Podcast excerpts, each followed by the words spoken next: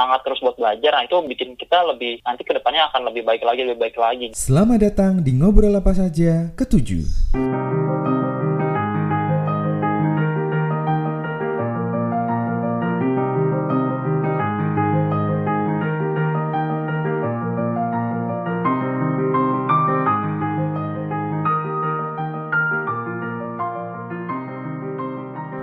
Episode kali ini kita akan ngobrol dengan Satrio Anugrah Wibowo. Satrio ini merupakan alumni psikologi UNS dan saat ini Satrio aktif sebagai Astra Human Capital Trainee. Nanti kita akan ngobrol seputar human capital itu apa sih dan bagaimana human capital berperan pada sebuah instansi atau sebuah perusahaan. Kita coba langsung aja hubungi Satrio buat ngobrol lebih lanjut. Halo, Assalamualaikum. halo Waalaikumsalam warahmatullahi wabarakatuh Gimana Satrio kabarnya? Alhamdulillah baik mas gimana mas kabar Alhamdulillah. ya, udah lama nggak pernah ketemu ya Iya, kamu di Jakarta terus ya? aku belum sempet ke Solo lagi nih mas Oh, iya? dua tahun Mm-mm. Iya, karena Terakhir COVID. sudah Terakhir kita ketemu Bener. ini ya? ayo belajar pernah ketemu Betul, betul. udah lama banget itu aku masih kuliah itu kayaknya Eh enggak, udah selesai toh, udah selesai, udah mau Selesai ya? itu. oh udah oh iya benar dong selesai nih ah, benar 2018 akhir. Ah 12 hari Desember ya ya Mm-mm. benar benar Oke Satrio, kita mulai dulu lah. Ah, mungkin kan banyak orang nih yang bingung gitu atau mungkin belum familiar dengan human capital. Banyak kan yang taunya itulah human human resource gitu. Nah sebenarnya apa sih Hmm, hmm, bedanya HR sama HC atau sebenarnya sama Hmm. gitu? Oke, eh, menarik banget nih ya perbedaan human resource sama human capital. Sebenarnya kalau ini yang aku tahu, yang pernah denger ya, yang Mm-mm. pernah aku denger gitu ya. Eh, jadi itu perbedaan bahasa yang dipakai gitu dalam penggunaan pengelolaan SDM di company gitu. Nah, Mm-mm. kalau dulu disebutnya kan personalia ya. Betul, Personalia betul. itu ah, ah, benar, personalia terus nah itu lebih cenderung eh, sifatnya administratif gitu loh. Mm-mm, Kalau dulu mm-mm. cenderung kayak gitu. Nah kemudian muncul bahasa human resource. Nah jadi itu pengelolaan human sebagai resource ya, sebagai sumber dayanya gitu ya mas ya. Mm-mm. Nah itu per- perkembangan bahasa ya. Nah, dan sekarang ada perkembangan bahasa yang namanya human capital gitu. Nah kalau yang aku tangkep dari perbedaan tadi gitu ya, human capital ini ngelihat lebih dalam gitu. Kalau Mhm. misalkan dari eh, yang aku tangkep gitu ya, human Mhm. capital itu tuh ngelihat eh dari keseluruhannya mas gitu. Jadi mulai dari pengetahuan, keterampilan, kemampuan, pengalaman gitu yang yang, Hmm. yang melekat di orang itu gitu. Mhm. Nah, jadi human capital tuh eh, seperti lebih membahas atau mengelola lebih dalam lagi tuh, yang lebih detail tadi kayak gitu, Mas. Mhm. Gitu sih. Oh. Tuh tuh kalau yang tahu aku tahu ya. Gitu. Terus sebenarnya peran human Ah. capital di sebuah instansi itu seperti apa sih? Nah, jadi sebenarnya perkembangan bahasa ini juga perkembangan dari ini Mas, apa namanya? Perkembangan dari ilmunya sendiri gitu. Nah, jadi the future of the future of HR gitu ya, Iya. yang itu ya itu ya, itu kan dari Dave Ulrich tuh ya. Nah, jadi emang dia bilang kalau misalkan HC itu nggak nggak lagi cuman ngurus uh, administratif kayak gitu-gitu aja gitu ya, Hmm. tapi juga uh, menjadi ini apa namanya strategic partner gitu. Jadi fungsinya HC itu jadi strategic partner gitu. Jadi kita harus punya pemahaman yang luas dan Hmm. mendalam tentang bisnis gitu, terlibat dalam proses manajemen strategi perusahaan Mhm. gitu ya. Terus yang kedua juga eh, perannya juga ini sih apa employee champion kalau bahasanya Ulrich tuh kayak Oke. numbuhin lingkungan kerja yang kondusif biar orang-orang tuh bisa kerja eh, munculin potensi terbaiknya lah gitu. Terus juga Hmm. eh, change agent gitu ya, Hmm. mimpin transformasi organisasi dan jadi admin expert juga gitu. Jadi harus tahu eh, dan unggul lah dalam menetapkan dan melaksanakan kebijakan sistem Mhm. praktik HC itu. Itu sih mas. Kayak kalau perannya itu ya kalau yang eh, yang aku tangkap gitu ya. Mhm. Mhm. Mhm.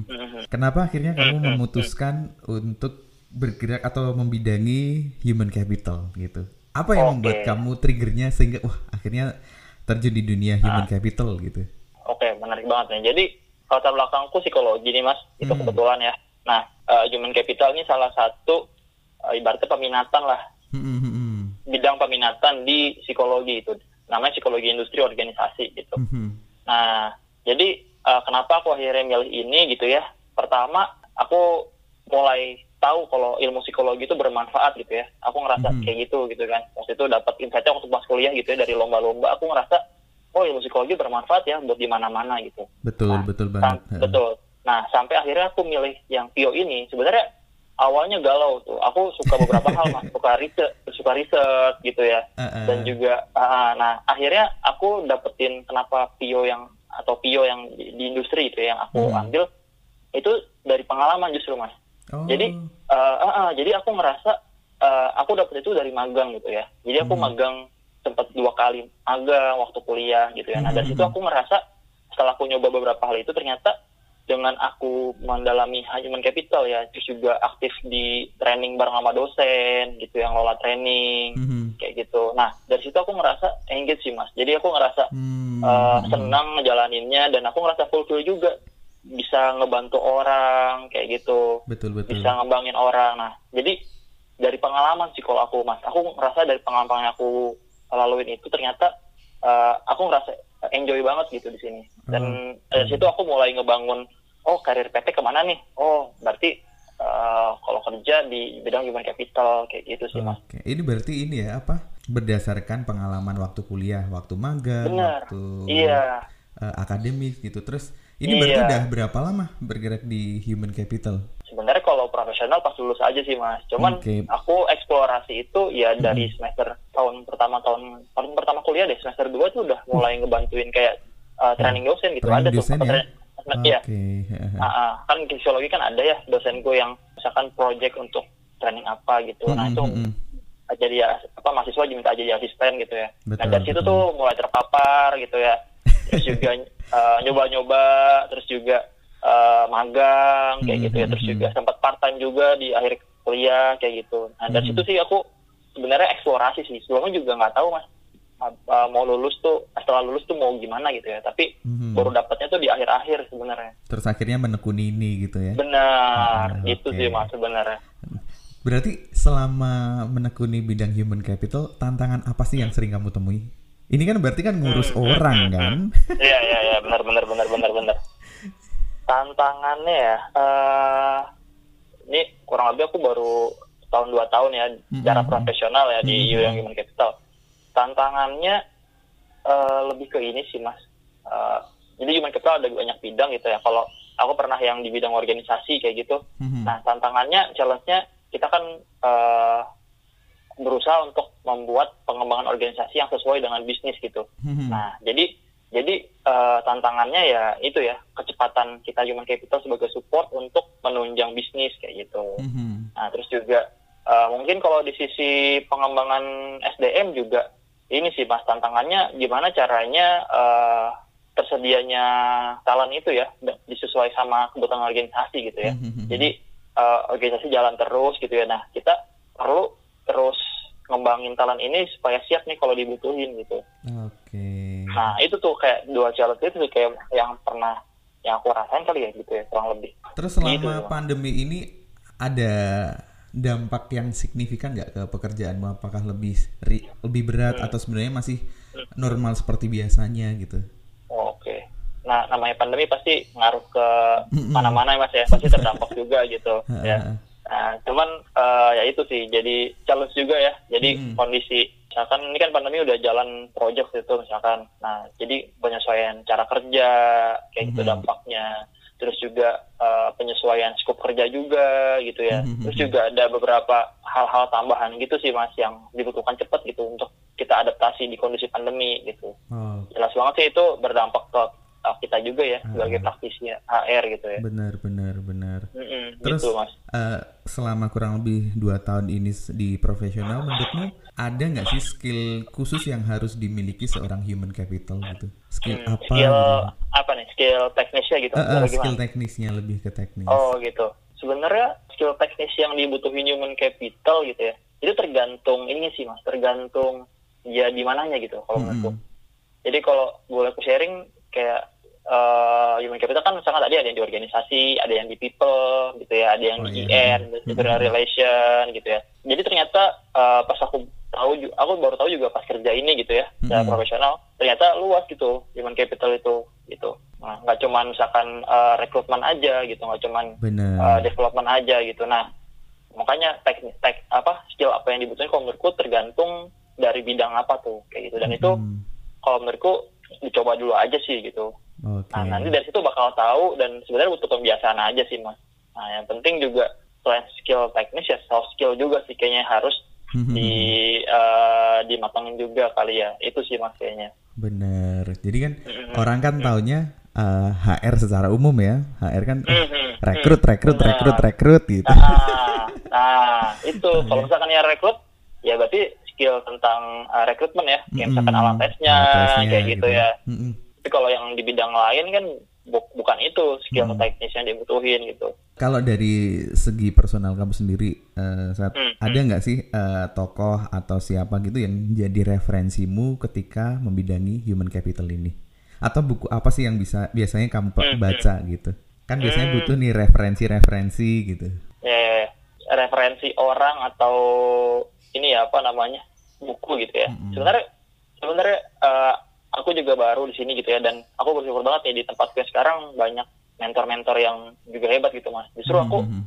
referensi dari mereka sih justru okay. gitu jadi jadi uh, justru mentor di kantor gitu ya mm -hmm. nah itu justru yang paling banyak berperan sih ke perkembangan aku juga gitu, okay. gitu. karena ya misalkan aku juga anak baru gitu ya mm -hmm. masih butuh banyak belajar dan mentor-mentor di kantor selama ini di beberapa tempat yang aku udah pernah tempatin itu uh, selalu ngebantu justru aku belajar praktiknya dari uh, beliau-beliau ini gitu mas nah mm-hmm. gitu dan kalau buku tadi sih uh, sebenarnya aku lebih uh, banyak baca gitu ya tadi mm-hmm. secara teori ya mm-hmm. yang buku-buku resource manajemennya secara teori kayak Dave Ulrich yang baru-baru ini gitu ya mm-hmm. nah paling aku juga banyak belajar dari influencer HR juga sih gitu kayak mm-hmm. gitu oh. paling mas nah jujur aja sebenarnya uh, saat ini dunia yang baru juga buat aku di mm-hmm. HR gitu ya ternyata mm-hmm. luas gitu ya dan butuh masih waktu gitu ya butuh waktu untuk ekspor juga sih mas sebenarnya betul gitu. betul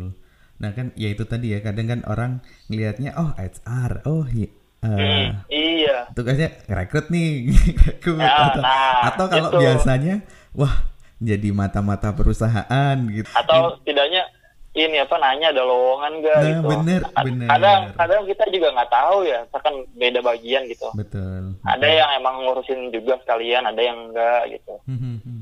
Nah, nah gitu di sih, selama kamu di uh, human capital ini banyak kan orang yang tanya apakah harus lulusan hmm. psikologi atau sebenarnya okay. ada jurusan lain yang uh, satu bidang dengan kamu? Ada mas. Uh, jadi sebenarnya nggak harus psikologi ya, hmm. kayaknya ya Nah, soalnya teman gue ada yang jurusan manajemen, okay. gitu ya, jurusan teknik industri, hmm. gitu ya, jurusan oh. ekonomi juga ada, hukum juga ada.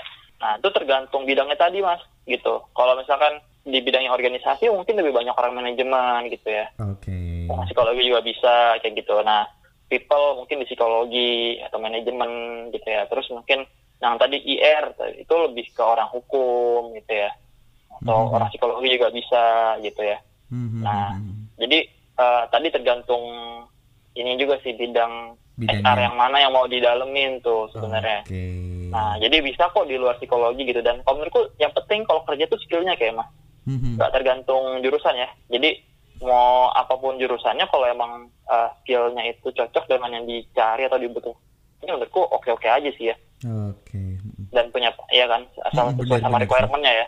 Kalau kalau dunia kerja sih kayak gitu ya. Betul, karena lebih ke gimana kita bisa beradaptasi ya dengan mm-hmm, kultur bener. perusahaan dan lain sebagainya. Mm-hmm. Nah, nah terakhir Satria. Oke, okay. wah. Okay. Satria. Cepet banget um, nih makanya. Ah. Ada pesan apa nih buat teman-teman yang pengen berkarir di bidang human capital? Hmm, pertama ini sih kalau menurutku dalami dulu minat diri masing-masing gitu ya. Jadi kalau emang teman-teman uh, tadi butuh waktu untuk eksplor kalau menurutku hmm. nggak ada salahnya untuk eksplor dulu ya minatnya seperti apa lebih senang kayak yang kayak gimana gitu nah kalau emang udah yakin gitu ya uh, waktu aku kecemplung juga itu ya pertama kali aku nggak tahu apa-apa gitu hmm. nah tapi apa aku berusaha untuk belajar nah jadi growth mindset mindset kita untuk terus belajar tuh penting banget gitu. Mm-hmm. Nah jadi kalau teman-teman udah yakin mau di jalan ini, ya emang wajar nggak tahu awalnya nggak ngerti gitu pasti bingung gitu nah tapi kita semangat terus buat belajar nah itu buat bikin kita lebih nanti ke depannya akan lebih baik lagi lebih baik lagi gitu mm-hmm. kalau menurutku sih itu sih ya jadi uh, kalau udah yakin ya udah di usahakin dulu lah belajar gitu itu sih mas sebenarnya oke siap Terima gitu. kasih Satrio udah mau Siap. berbagi. Sukses selalu Siap. ya. Sama. Ya, sama-sama sukses juga Mas Alfian.